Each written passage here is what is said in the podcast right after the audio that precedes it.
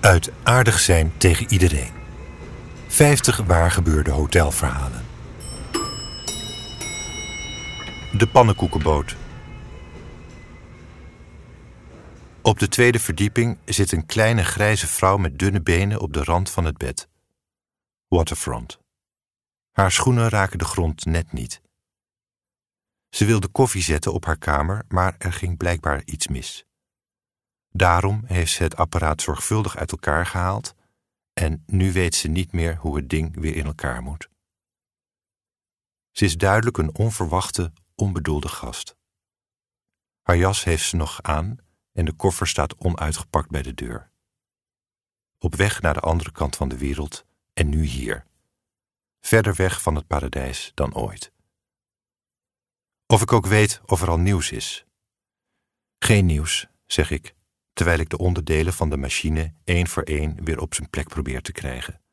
Sommige stukken lijken op het eerste gezicht bij elkaar te horen, maar passen uiteindelijk toch niet. Ze hoort bij een gezelschap van veertig dat nu over verschillende hotels in de stad is verspreid.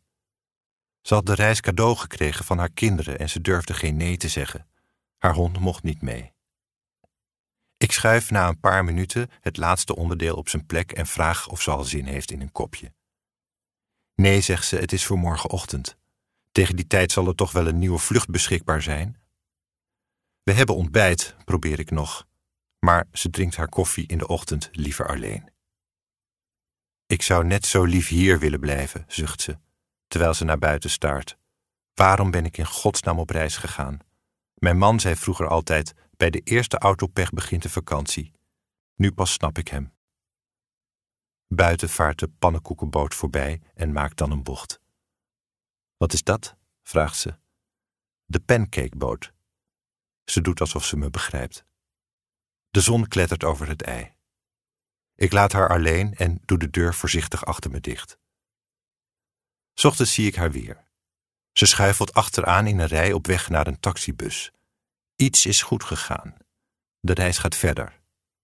Ik vraag of het gelukt is met de koffie. Excellent, zegt ze, maar geen oog dicht gedaan vannacht. Als ik vraag waarom niet, fluistert ze dat ze het zonde vond om te gaan slapen en dat ze de hele nacht op haar balkon heeft gezeten om te genieten van het prachtige uitzicht. That pancake boat did it.